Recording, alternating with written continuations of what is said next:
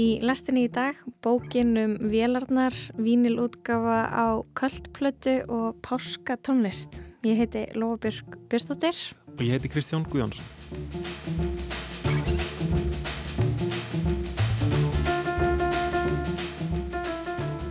Það er miðugudagur í dimbilviku, vikunni fyrir páska, sem sagt uh, síðasti lestarþáttur fyrir páskafrí og ekki setna á einna en að ákveða hvað maður setur á fónin núna um helgina.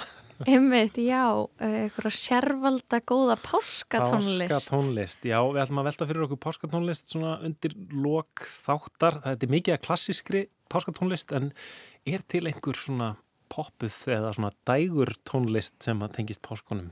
Það er um að pæli því, þetta er lokin. Þú, þú kom með eitthvað, einhverja tónlist og ég mæti með einhverja, Já. sjáum hvað gerist. Algjörlega. Um, við heyrum líka viðtal við Greifslæm sem er að gefa út mistraverk sitt Roughness and Toughness á Vínil 20 árum eftir hún kom út, plata sem hefur öðlast köldstatus í íslensku þungarokki.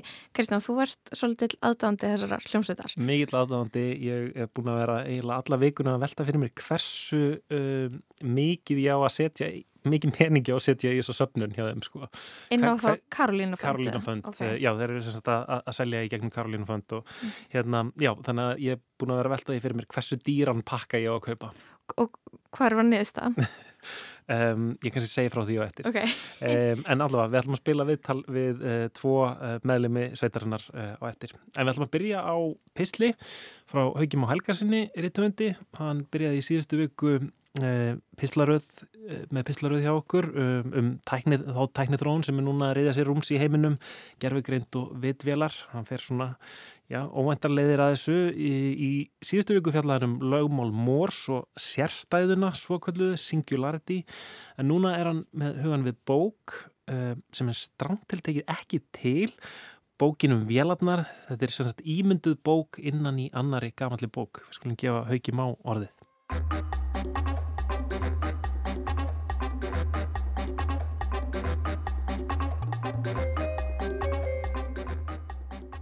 Einu sinni var það svo að jörðin var að öllu leiti án bæði dýra og júrtalífs og var samkvæmt áliti okkar bestu heimsbygginga einfallega heitur bolti með skorpu sem hægt og bítandi kólnaði. Ef mannvera hefði verið til á meðan jörðin var í þessu ástandi og hefði fengið að sjá hana eins og hún veri annar heimur sem kæmin ekkit við og ef hún hefði á sama tíma verið alfarið fákunnandi um alla eðlisfræði Hefði hún þá ekki líst yfir að það veri ómögulegt að verur með eitthvað í ætt við meðvutund myndu einn daginn þróast af þessum sviðna kólamóla sem hún hafði fyrir fram að sig. Hefði mannveran ekki neita því að þar væri nokkur geta til meðvutundar. Og samt sem áður, í tímans rás kom meðvutund til sögunar. Er ekki mögulegt þá að aðra farvegi með riðja fyrir meðvutund einstu að við sjáum engin ummerki um hana sem stendur? Ég er að lesa úr bók sem strangtiltekið er ekki til.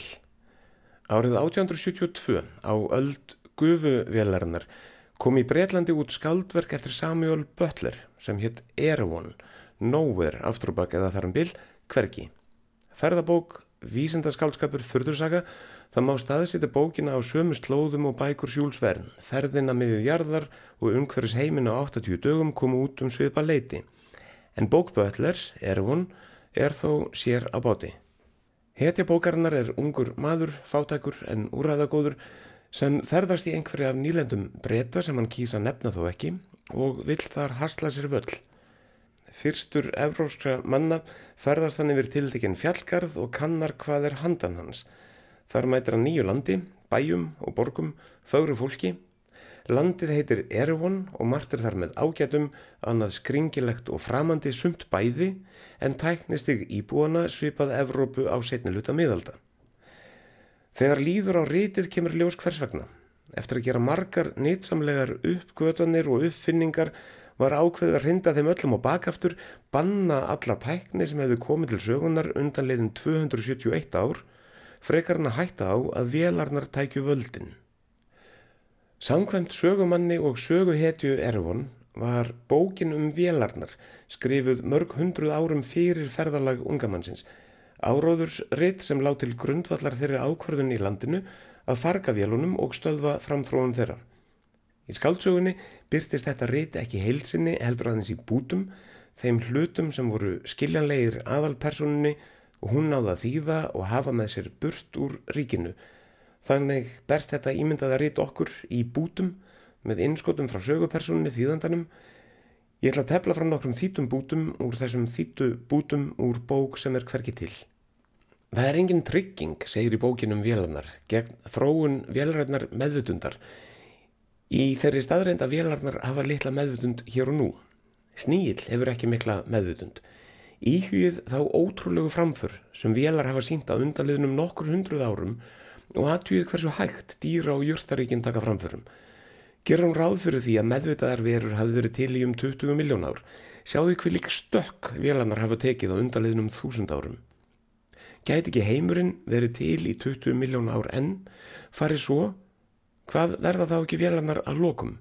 er ekki örugara að slíta strax burt brumknapp þeirrar brotasögu en að leifa þeim frekari framfarir. Þetta er megin rauksandafærsla bókarinnar um vélarnar. Vélarnar hafa enn ekki byllinis meðvutund en engin leið að útloka að það verði eitt daginn raunin og betra að hafa vaðið fyrir neðan sig. En þó að vélarnar, allt frá nýfum og skærum til vefnaðarverksmiðja og emræða hafi ekki beinlinis meðvutund, að minnst ekki í mannlegum skilningi, þá fælst höfundur bókarnar þó ekki á að markalínan sé svo skýr. Hann segir vélarnar þegar hafa nokkurt vald yfir mannfólki. Fyrst teflar hann fram mögulegum mótrökum.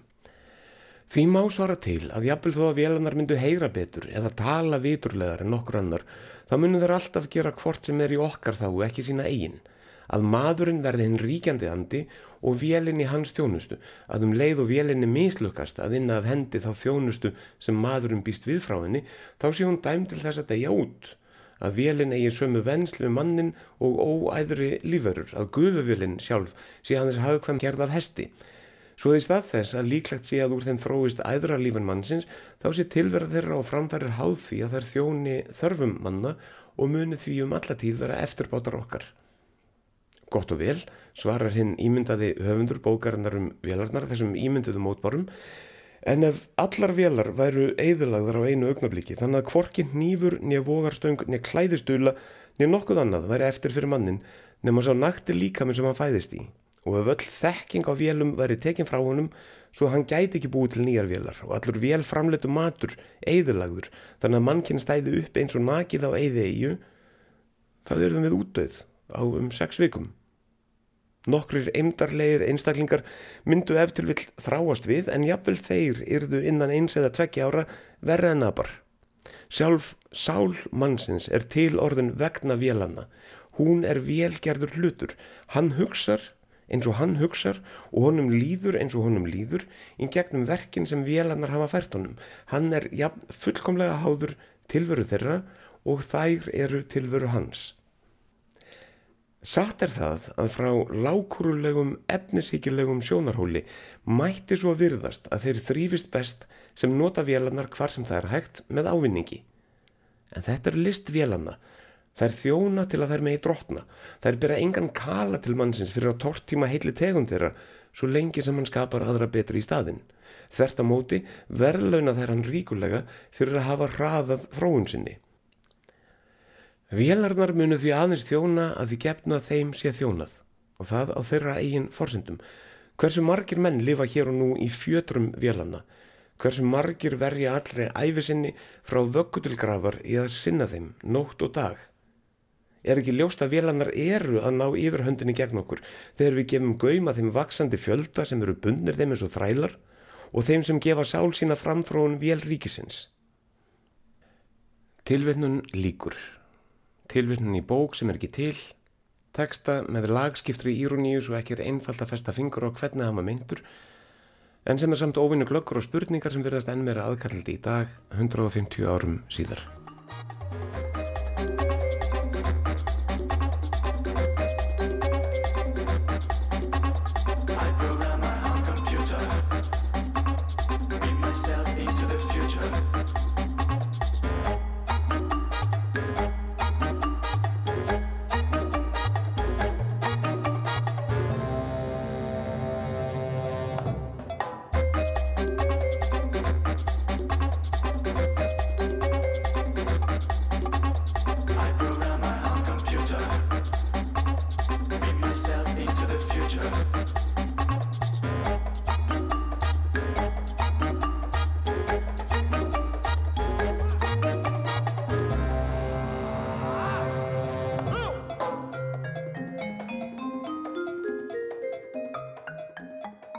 Lægið Home Computer með Senior Coconut. Þar undan var það hann Haugur Mór Helgason sem flutt okkur pistil um uh, bók inn í bók. Einmitt, bókin um vélarnar.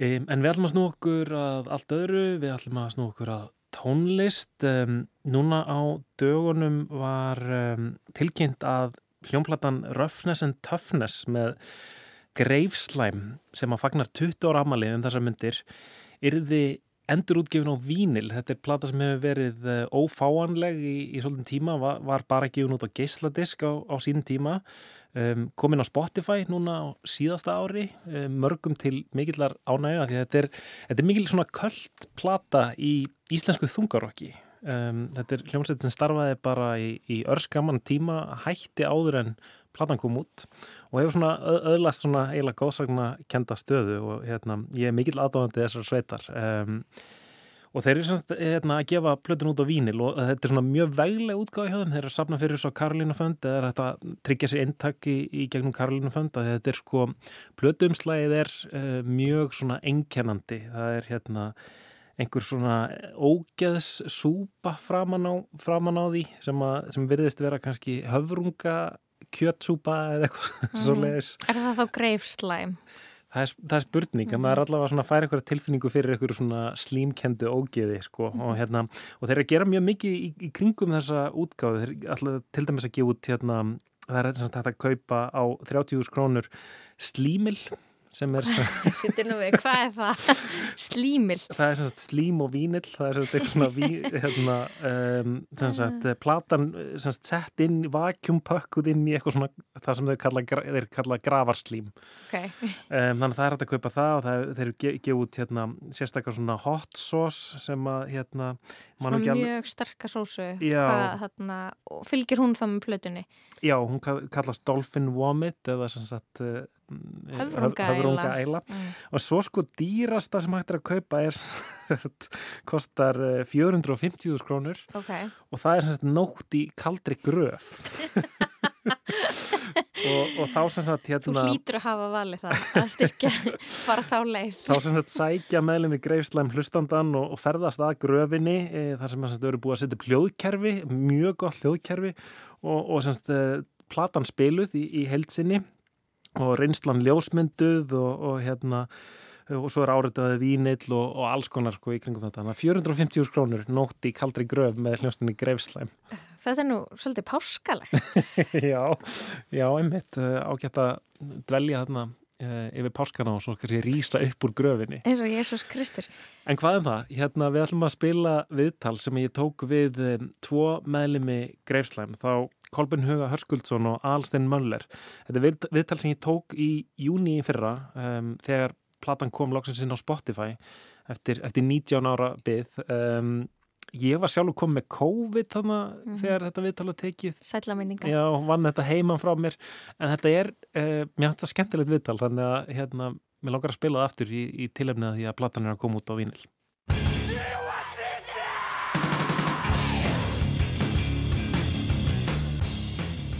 Mér finnst þetta gott, ég, ég kíkti á hérna, Wikipedia síðu, síðu Greifslæm og mér finnst hún svo hérna, skilmerkileg, hérna eru tvær setningar. Um, Greifslæm var íslensk stoner rock eða þungarock sveit sem starfaði frá 2000 til 2002 platta þeirra Roughness and Toughness var gefin út árið 2003 og hefur öðlast kvöld stöðu. Hérna um, er þetta ekki bara, bara sammálað þessu öllu saman eða hvað, skrifuðu þið þetta? Nei, skrif, eh, ég skrifuði þetta allavega ekki ég veit ekki hverju við skrifaði þetta en þetta er allavega öruglega, við, við vorum einmitt að reyna að pæla í því sko hvena, hvena var hljómsettin í gangi en það er sem sagt á Wikipedia. Þannig að þar hefur við það svar aðstætt 2000 til 2002 já, ætli, ég held að þetta, þetta hljómar þetta meikar allt sens fyrir mér sko. Ég vissi ekki við værum á, á Wikipedia sko.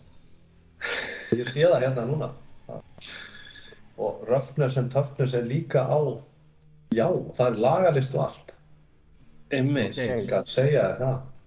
Það segir þarna að hún hafi öðlast kvöld stöðu og ég, ég held að ég verði að vera sammálaði hérna, ég sá aldrei greifslæm á, á tónleikum og kynntist, kynntist tónlistinni þarna svona örfáum árum eftir að, eftir að platan kom út og, og dyrkaði þetta Hérna, hvernig er svona ykkar upplifun? Hafið þið upplifað að, að svona hún eigi sér heita aðdáendur og, og, svona, og, og sé svona kvöld í einhverjum kreðsum? Ég hef algjörlega upplifað það. Ég, ég hef verið í mörgum hljómsveitum síðan þá og ég held að sé ekkert prójekt sem ég hef verið í sem að ég er einhvern veginn enn, sem að fólk er ennþá alltaf að spyrjast fyrir um og hafa áhuga á sko 20 árum síðar. Þannig að mér finnst að ég hef algjörlega upplifað að platan hafi einhvern veginn náða að krauma undir í nokkur ár og, og, og, og fólk hafi mikið hlusta á hana og það hefur kannski mér segja hjálpa henni að þú veist hún kom út í 500 eintökum uh, og ekki verið auðvelt að nálgast hana því að þanga til hún var bara kom núna á, á streymisveitunar þá veit ég ekki eins og hvernig, jú, hún var, hún, ég upplótaði henni fyrir nok nokkrum árum á, á svona secretly eiginlega á Soundcloud en þanga til var eiginlega ekkert hægt að heyra hana Nei, eða veist, ég held að þú bara þurftur að eiga diskin eða, eða finna hann á, þú veist, eitthvað, dildu.net eða eitthvað, ég veit það ekki. Þannig að ég hef al algjörlega upplefað þannig að, að fólk, þú veist, að hún hafi smá svona kvöld status að því fólk er að spyrjast fyrir um hana og hún hefur verið svona pínum mystisk fyrir fólki bara því að það hefur verið erfitt að nálgast hana, býst ég við. Já, það er sama hérna, ég hef svona fengið alls konar skrýtnar fyrirspurnir frá einhverju fólki sem ég þekki neitt og er veist, alveg kynnslóð á eftir mér í aldri og eitthvað sem að verið slusta á þetta, vinnir, hérna, bróðu míns og eitthvað alls konar og sem að komið svona skemmtilega óvart. En, þetta var aðgengilegt sko á held ég á tónlist.is á svonum tíma og svo var einhver eh, grjótarður aðdáðandi sem að setti plötuna alla á YouTube og hérna ég held að hún hafi það hafi verið talsett mikið hlusta á hana þar og einhver annar snillingur setti sko klukkan hvað sko á hvert lag var og skrifaði nöfnin á lögunum og allt sko þannig að þú gæst hoppað í næsta lag og hafði sérstaklega það var eitthvað í upphaldi sko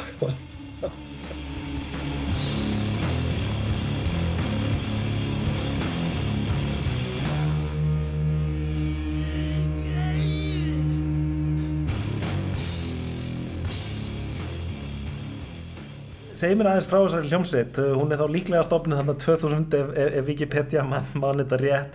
Eh, einhvers staðar sá ég að það hefði eiginlega bara verið uh, hljóms, þetta frábæra hljómsveitarnafn sem hafi verið uppröndilega kveikjan. Er, er eitthvað til í því? Að vissu leiti. Nafn, nafni kom fyrst ég, en, en ég og aðalstinn hafði nú verið saman í tveimur hljómsveitum áður. Fyrsta hljómsveitin sem við vorum í uh, var punk hljómsveit sem að hétt Þrýr Hressir og við vorum í henni með strax sem að heitir Rolfur Viljámsson og við gáum aldrei neitt út. Og svo vorum við í annari svona annari hljómsveit setna sem að hétt Thundergun og þar vorum við svona kannski aðeins að fara í þessa átt tónlistarlega. Það var svona rock and roll band með pínu svona já, pínu svona stoner áhrifum svona, svona riff band en basically nafni kom fyrst og svo fannst, fannst okkur einhvern veginn nafni svo fyndið að, okkur fannst við verða að, að þurfa að gera eitthvað. En, en á þessum tíma það var ekkert auðvelt alltaf að finna trommara sérstaklega og æfingahúsnæði og þannig. Þannig að það tók okkur mjög langan tíma að reyna að koma að finna trommara og endanum fundum við bara engan trommara. Þannig að við basically báðum vinn okkar sem kunni ekkert á trommur Ólaf Steinsson sem að var síðan í bandinu um að læra á trommur til að geta spilað í þessu bandi.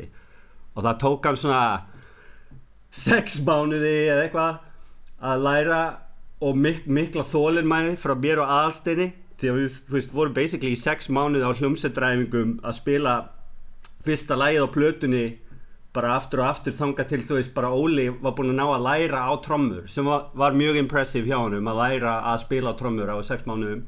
En, en krafðist eiga sér mikillar þólimæði Já, við vorum ekki heldur eitt sérstaklega svona kannski auðveldir í því að við vorum báðið miklu svona aðdáðandur af hérna hljómsveitur sem heitir Melvins og, og trommarinn í þeirri hljómsveit er mjög svona hérna uh, er mjög þekktur fyrir mjög óhefbundna takta og svona mjög flókna flókin trömmuleik og ekki margi sem að kannski hérna stýja einhvern veginn í hans spór þannig að það mátti ekki vera double kick og, og það, það mátti ekki vera svona, mátti ekki bara dett inn í hérna, einhvern Metallica, sko, einhvern takt, það var alveg bara no, no, no, sko, það var allt vittlust, sko, þannig að þetta var alltaf verið eitthvað rosalega skrítið og, og greiði óli, það var alveg pískaður áfram með þér, en, en hérna, núna þegar ég hlusta á plötuna, sko, ég hlustaði ekkert á plötuna í uh, svona 18 ár, ég hef eiginlega aldrei hlustað á þessu plötu.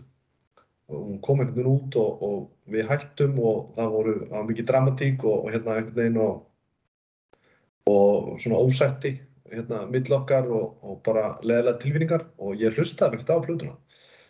Og bara einhvern veginn setta bara einhvern veginn í skúfu en svo hlustaði ég hana núna 90 árum setna eitthvað og þá er það eiginlega mest að ég tek eftir hvað trommurnar eru geggjaðar á þessum hérna, plötu fyrst mér sko. Og hann kunni ekkert á trommur sko. Það var gítarleikari.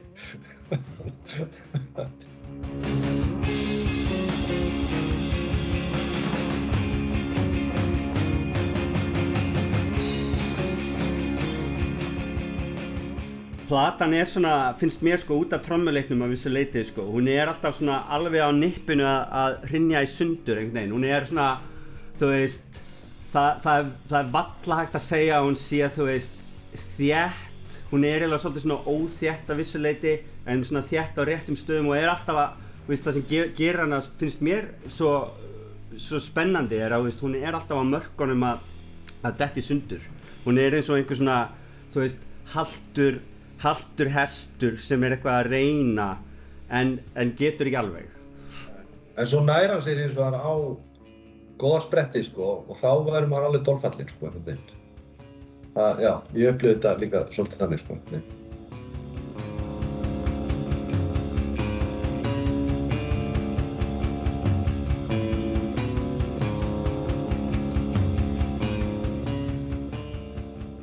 Svo, svo hefur maður heyrt sko að, að að hérna, ég, ég hugsa sko að, að hluti af þessari kvöld stöðu sé náttúrulega kannski að einmitt að þið hafi bara verið hættir þarna bara áður en plat, platan kemur út þannig að, hérna, þannig að þannig að við sem á eftir komum náðum aldrei að sjá, sjá okkur tónleikum og svona þannig að hérna, ég held að það spila alveg inn í og, og ég, ég hef svona það sem ég hef lesið og heyrt var að það hafi verið mikið svona svona galsi og tilraunamennska í, í, á, á tónleikum að það hefur verið almennt svona mjög, mjög skemmtileg upplifun að fara á græsleim tónleika Já, við vorum sko duglegir að spila tónleikum uh, svona stuttu kannski áður en við tókum upp plötuna og vissulega var mikill galsi og kannski sérstaklega miða við senuna sem að var í gangi þá við kannski, ég held að sé alveg óætt að segja við sprettum pínu svona eða vöksum með uh, hardcore senunni sem að sprakk upp spratt upp á, á Reykjavíkusvæðinu á þessum tíma og það var rosa mikið af böndum sem að voru svolítið svona alvarlega og tóku sér alvarlega.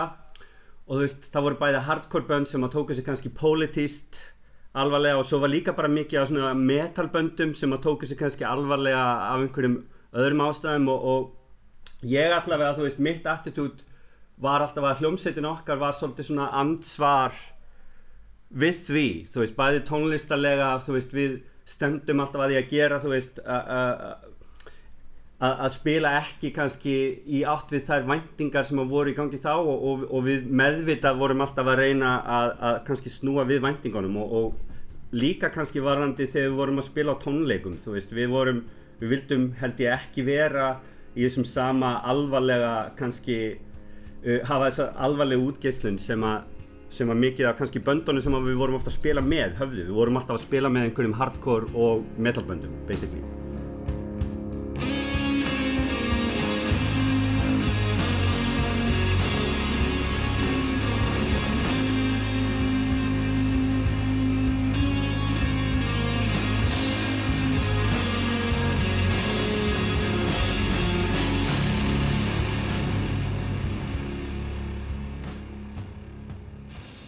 svo náttúrulega líka þetta stórkostlega plötu umslag sem er náttúrulega bara hérna svona með, með þeim betri held ég íslenskri, íslenskri eh, pop, pop sögu sko. Það sem þetta er, hvað, ef þið getur líst þessu, hvað, hvað er þetta? Höfrunga hérna kjötsúpa einhver, þarna sem er framann á?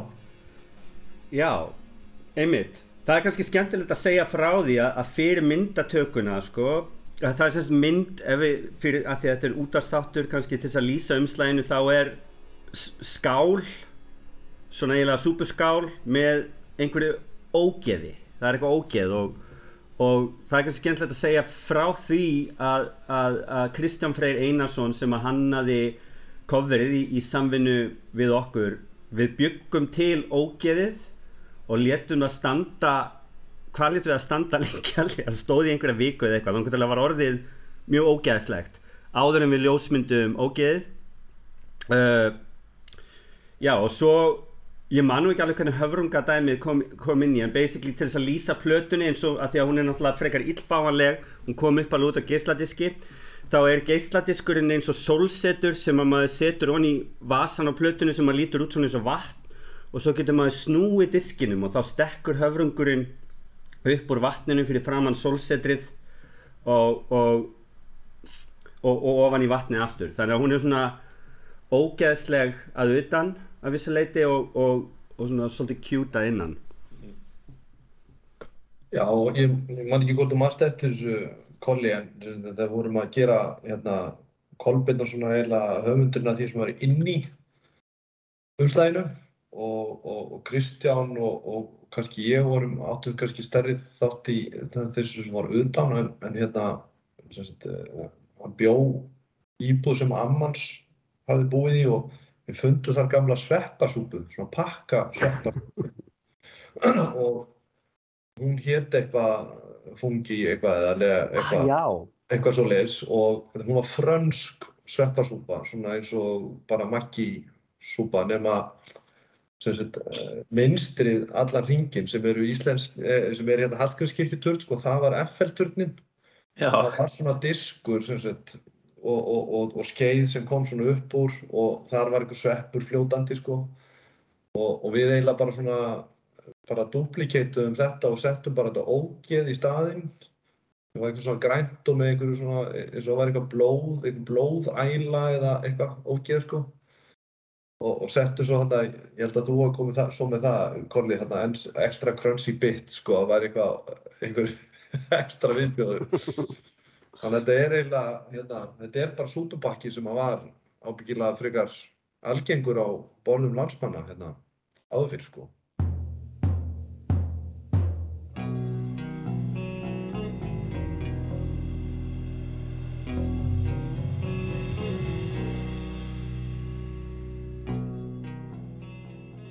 við hættum í hljómsveitinni það kom upp svona eitthvað eitthva, við spiluðum basically á tón, seinasta, seinastu tónleikarnir sem við spiluðum voru á menninganótt ætli að hafi þá ekki verið 2003 og við vorum að spila þrjá eða fjóra tónleika þetta, þennan dag.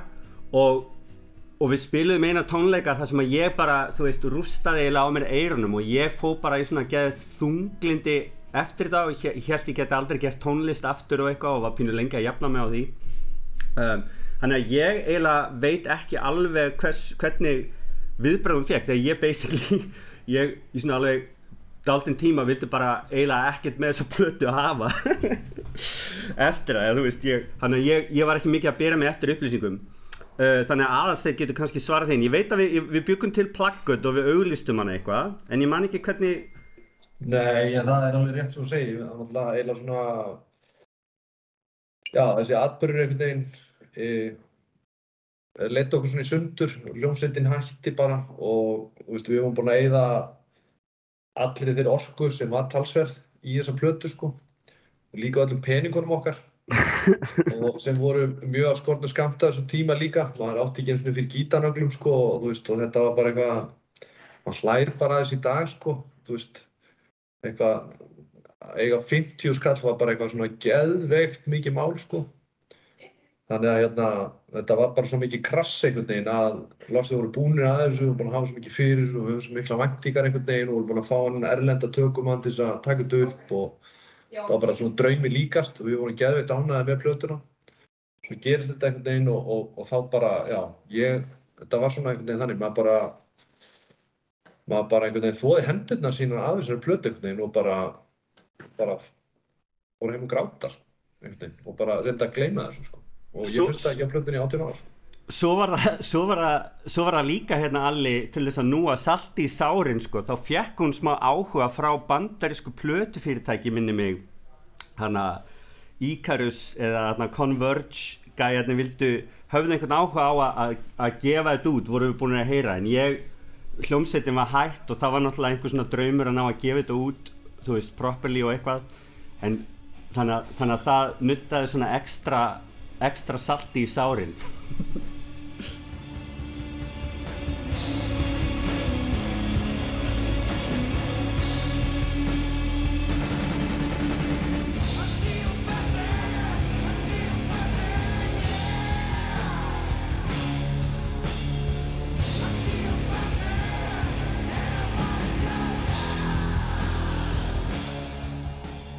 En, en, Kolli, hvern, hvernig fór með hirnina? Ég meina, þú, þú hefur nú, varst nú í einhverjum og hefur verið í alls konar tónlistaverkefnum eftir þetta. Lagaði þetta sig einhvern veginn? Já, ég bara, þú veist, ég lendi eiginlega í smá svona kraftaverki, sko. Við segjum satt, svo ég, geti, svo ég segi söguna, við vorum að spila hérna á, á nokkrum tónleikum á menninganótt og við spiluðum á tónleikum hérna í, í þessari búð sem heit Skaparinn og hún var svona, hún var eiginlega bara svona minimalísk fatabúð, þannig að þetta var bara svona steipu klumpur, skiluru, ferhyrningur, þannig að það, þú veist, voljúmið inni var bara svona ólýsanlega hátt. Og ón á það þá ákvaðum við að því við varum að spila tónleika að við, fyrir þessa tónleika þá ætlum við bara að gera eitthvað svona improvised set og við spilum ekki laugin okkar. Og við endum bara að gera eitthvað svona crazy, insane noise feedback set sem var bara ógeðslega hátt. Og ég var ekki með yrnatapar mínu og bara eftir þetta gig þú veist þá bara, ég bara heyrði ekki neitt.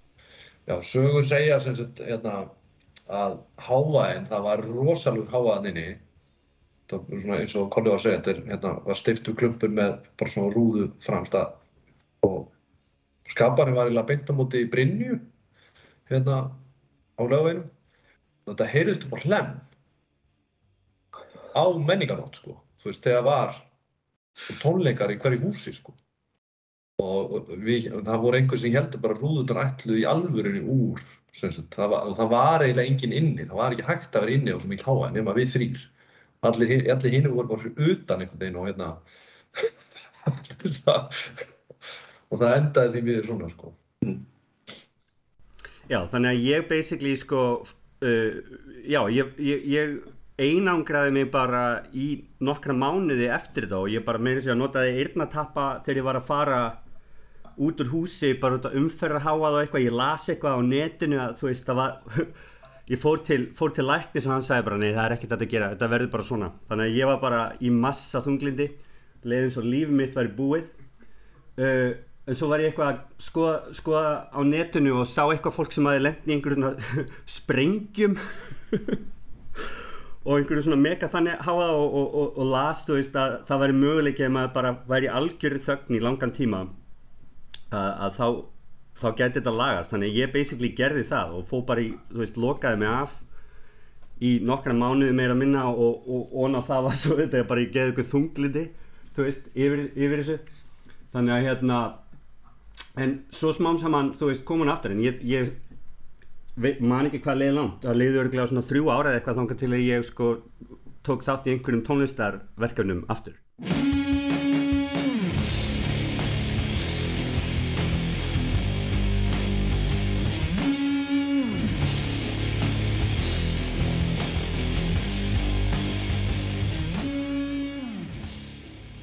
Við bara einhvern veginn hérna, tölumst bara uh, eiginlega ekki neitt saman sko. við mistum bara veginn þráðinn alveg og, og ég man ekki hvernig við náðum húnum aftur upp sko. svo bara setna var Óli komin í skáta svo varst þú komin í skáta Kolli og, og hérna, þetta er svona aðeins sami svipaður hópur hérna, þannig séð og eitthvað og, og hérna og menn fór bara að gera veginn allt annað og ég hætti bara alveg í tónlist hérna, gerði bara ekki neitt og eitthvað svo flutti Óli til, hvernig flutti hann? 2006 Já, til Kaliforníu, býr í San Francisco og vinn í okkur svona hljóð hérna e, þetta er Meyer Sound sem er svona e, hljóðtækni, hátalara, rosa hægjandi eitthvað fyrirtæki og er bara búin að vera eitthvað þar. Að það held ég, það er bara aldrei, aldrei komið til tal sko. En það má náttúrulega kolli í Berlín sko, hérna, búin að búa þar í einhver ár sko líka. Að En það er hægt að bæta því samt við, enga síður, að hérna, þú veist, fólk hefur oft, oft sagt, þú veist, rock is dead, hefur maður oft séð á einhverjum svona bólum og eitthvað. En hjá Greifslam í því tilfelli, þú veist, þá er slókanin náttúrulega alltaf rock is undead. Kolli og Alli, Alsteinn og Kolbeinn úr Greifslæm. Takk hérlega fyrir spjallið. Já, takk sem að leiðis. Takk kærlega.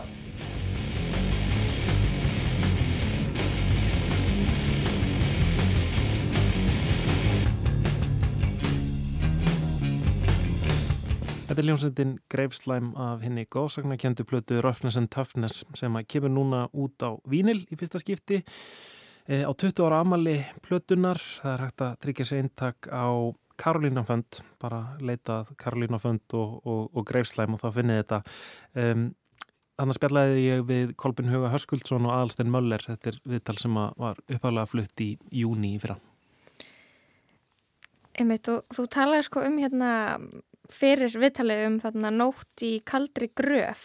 Já, dý, dýrasta sem hættir að kaupa í þessari hérna, hópfjármögnunar söfnun. Hana. Einmitt, uh, sko það er náttúrulega í páska þema.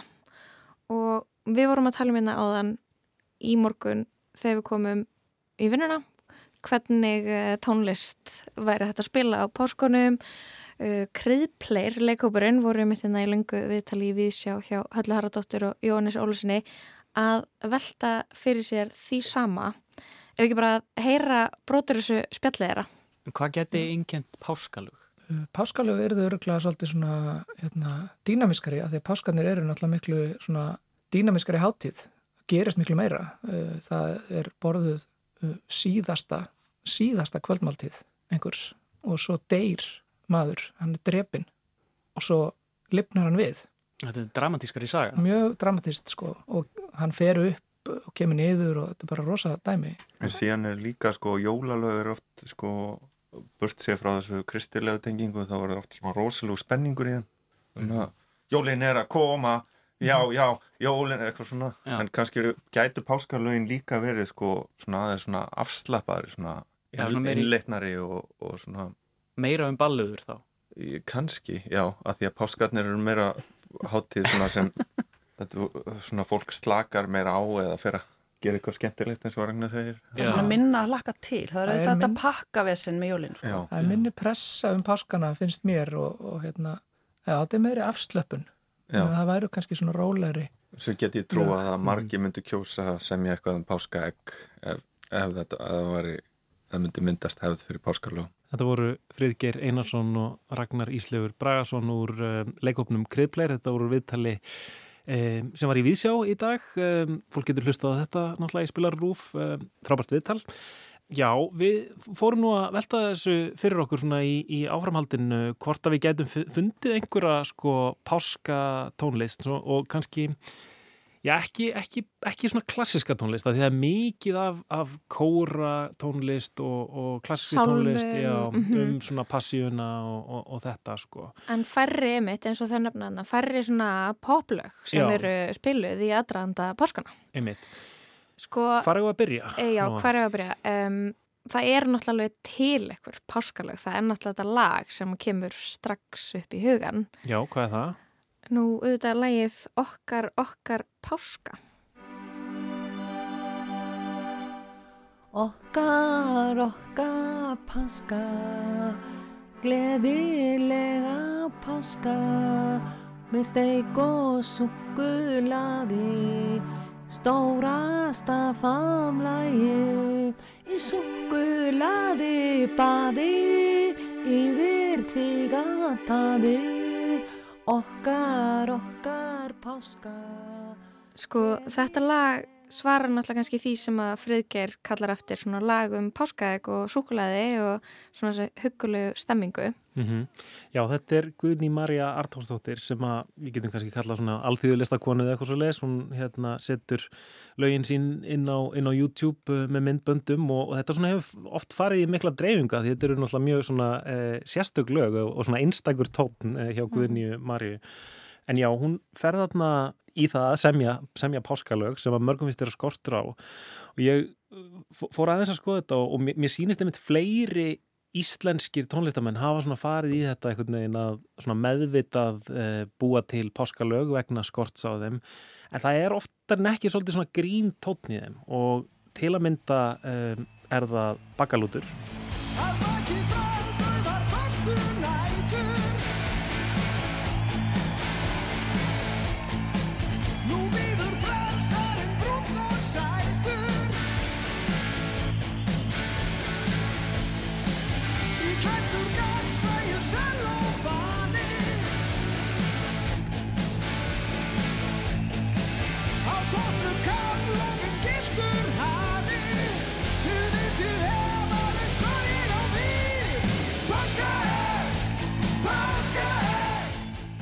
Einmitt, frelsarinn er páskaegg í þessu lagi. þar sem að bakalútur vinna með auðvitað lag eh, frá Glazrock sveitinni Kiss.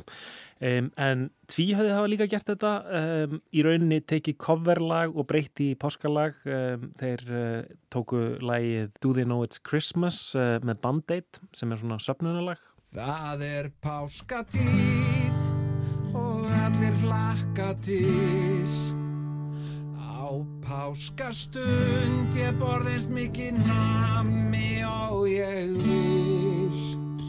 Og í allsnægtum ég lifi og hef það bara gott.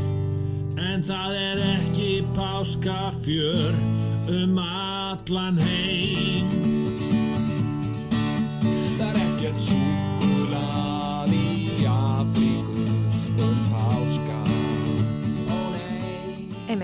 já, við vitum að þessum dæmum og uh, við ákveðum að gera smá leikur því að finna fleiri páskalög.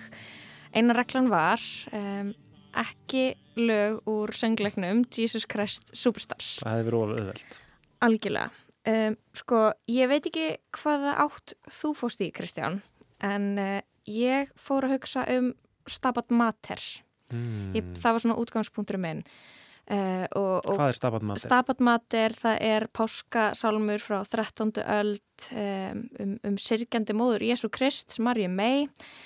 Stabat Mater stóð við krossin Guðsmóðurinn, hinn sorgmæta móðir stóð við krossin, þetta er svona tvær þýðingar á þessum titli. Stabat Mater, Dolorosa, Juxta, Crucem, Lacrimosa, Dum Pendebat Filius. Tegnust megi og móðir að Kristi, margtáruð við krossin gisti. Já, svona þetta þema í páskunum sem var svona útgangspunktur minn, bara krossfestingin, hún hlýtur Mhm. að koma fyrir ykkurum poplögum.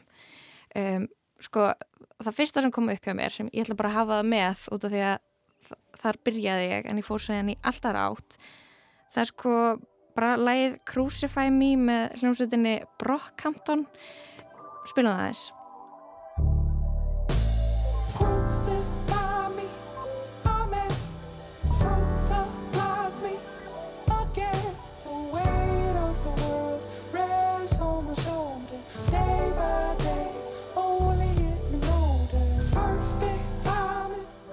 Já, páskarnir eh, snúast náttúrulega um upprisu, upprisu Jésu Krist. Krossfestingu, Kross- dauða og svo uppreysuna Algjörlega og þá voru ég að hugsa um lög sem fjalla um upprisu. Komur í hug ákveðin tónlistaviðburður um, frá árinu 2021 þegar að Kanye West frumflutti plötinu, plötinu Donda á svona risa leikvangi í Atlanta. Það var svona alveg svakalegt sjónaspil. Uh, auðvitað er sko allur tónlistakatalógur Kanye West bara sko hlaðin kristnum og trólegum vísunum en þessi viðbörður hérna kann ég stilti upp eftirlíkingu af æskuheimili sínu í Chicago ofan á, e, á sandi Mhm. á, á leikvanginum og, e, og ofan á æskuheimilin hans var kross og e, öll þessi plata fjallar um upprisu, upprisuna hans. Um, platan er skýrið í höfu á móður hans sem lést 2007. Uh, hann, er að, hann er að skilja við konuna sína, Kim Kardashian og svona hvaðið fölskyldilífið og einhverju leiti er svona einhver hluti á hann að deyja. Og uh, hann fær með sér lið þessa tónlistamenn sem hefur verið aflýst uh, það Baby, Marlene Mansson þeir eru þarna með honum. Uh, mennin, einhver, einhver svona menn sem var slaufað í samfélaginu og þeir eru þarna eða ykkur að upprisu í gegnum þessa tónlist í þessari plötu. Og það eru vísanir í sko crossfestinguna og, og upprisuna á, í fullta lögum á þessari plötu sko, byrjum kannski bara á læginu Up from the Ashes Up from the ashes into the sky. Found a redeemer, how I survived. Boys hug their mothers, Mary and Christ. Your light has healed me, blessed with new life. Já, í þessu lagi þá syngur hann um að rýsa upp úr öskunni, uh, sinir faðma mæður sínar, Fönriksinn rýsur öskunni, endurfættur eins og Jésu sem rýsur frá döðum og er eilífur og þetta er svona þema plötunar. Uh, Donda er eiginlega bara páskaplata. Andlitið hans var hulið allar þess að tónleika mikið í svona kynningarafninu á plötunni.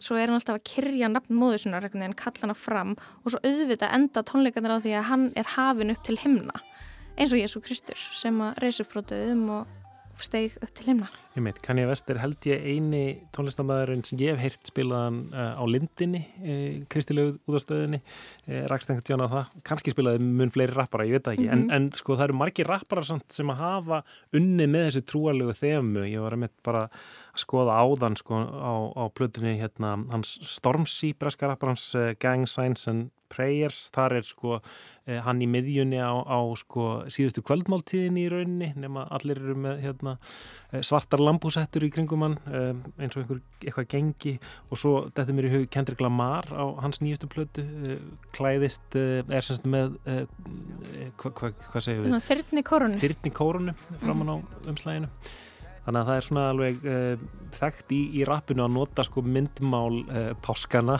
um, og, og að spegla sig í þessu og, og kannski enginn gerst þetta meira heldur en Kanye West sem einhvern veginn er stöðugt að bera sig saman við Jésu Krist og, og hans, hans þjáningu og, pínu.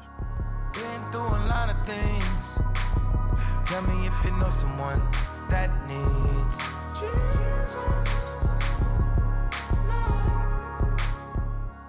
Algjörlega. Og uh, það eru páskavísanir út um allt á Donda. En svo er önnur svolítið góðplata Jesus is King sem kom út 2019 og þá sérstaklega leiði Sela. Það lag uh, fjallar í rauninni bara um einhvern veginn svik og, og, og koss Júdasar sem náttúrulega annað stórt þema uh, páskana er að vera svikin en að fyrirgefa og svo rýsa upp og Þetta er örgulega páskalegasta lægið hans Kanye West. God is king, we the soldiers. Ultra beam out the solar. When I get to heaven's gates, I ain't gotta peek over. Keeping perfect composure. When I scream at the chauffeur, I ain't mean, I'm just focused. I ain't mean, I'm just focused. Put a lean out slower. Got us clean out of soda. Before the flood, people judge. They did the same thing to Noah. Everybody wanted Yandi. That Jesus Christ did the laundry. They say that we start on Monday, but the strong start on Sunday. Won't be in bondage to any man. John 8 3 3. We the descendants of Abraham. Ye should be made free. John 8 3 6. To whom the Son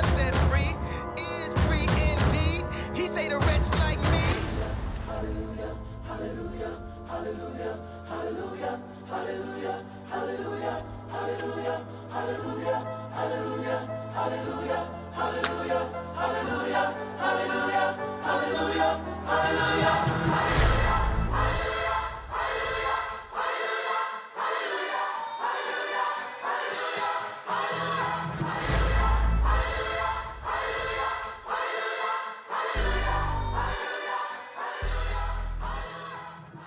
Þannig að niðurstaðan mín í þessari páskalaga leit var bara Kanye West katalógurinn Þannig að- Jesus is King og Donda, það væri svona páskaplutina til að spila. Fullt af pælingum um, um upprisu og sveik og sirgjandi mæður. Já, einmitt, gott að leggjast yfir þetta núna um helgina.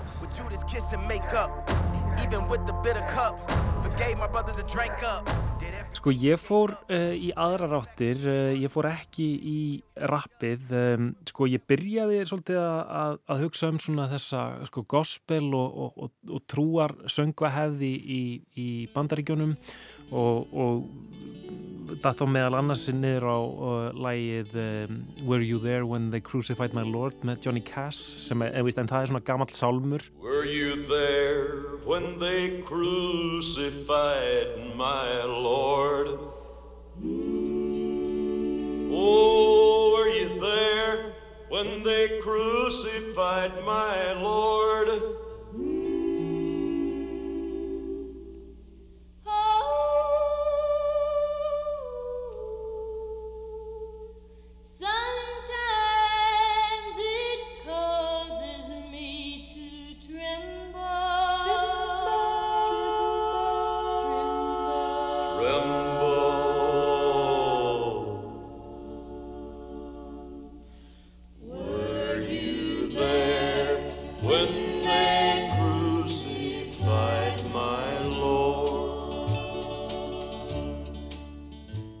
En, hins vegar langaði mig uh, líka aðeins að fara sko, yfir í rockið af því að sko, þessi sömu þemu, uh, crossfestingin og, og Judas eru svona uh, þemu sem, a, sem að koma mikið fyrir sérstaklega í svona, svona þingri kemum rockheimsins, þú veist, í einhverju svona þungarokki, dauðarokki, einhverju svona metaltónlist. Um, en lægið sem að mér langar að spila brotur er íslenskt og uh, er með auðagarsmönnum og fjallar um eins og, eins og lagið sela um Júdas frá Ískariot. Ég ungur en frostnýri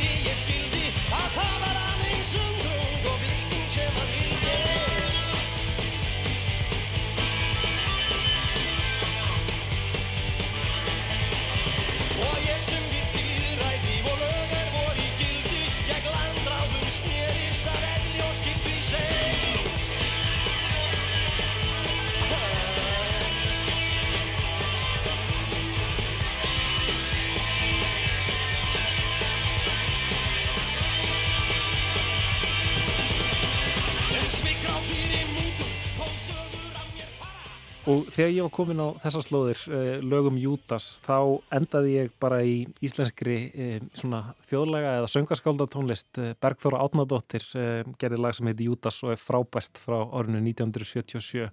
Kannski við bara endum þáttin á því. Mér finnst það mjög páskalegt lag. Jú, mér finnst það bara tilvalið. Er þetta þá páskalag lestarinnar þetta árið? Ef ekki bara að segja það.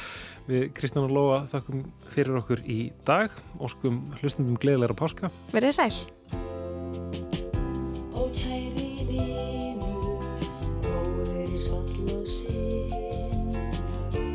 Hvað